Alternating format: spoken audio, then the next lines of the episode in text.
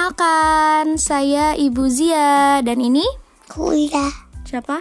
Harus bahagia. Eh, yang jelas dong ngomongnya. Siapa?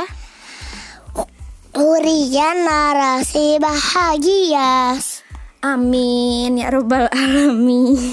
Aku tadi bahagia Nah, seperti namanya, hurian narasi bahagia ini sangat bahagia jika mm, mendengar sebuah narasi atau cerita atau dongeng yang disampaikan Ibu Zia dengan ekspresif. Nah, sambil mm, apa namanya? Sambil baca dongeng, Ibu Zia Atau eh, Semajiro praktekin eh bukan praktekin sih pokoknya ibu Zia m- kalau bacain dongeng buat Huria selalu dengan ekspresi yang menggambarkan tokoh yang menggambarkan eh, suasana hati tokoh tersebut.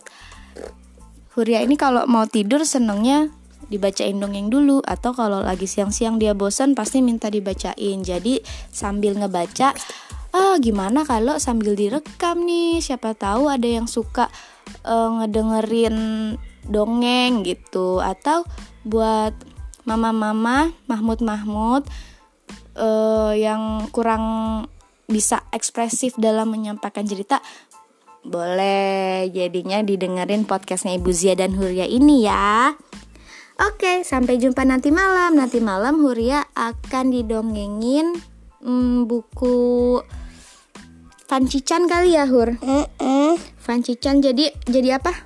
Jadi astronot. Oke sampai jumpa. Sampai jumpa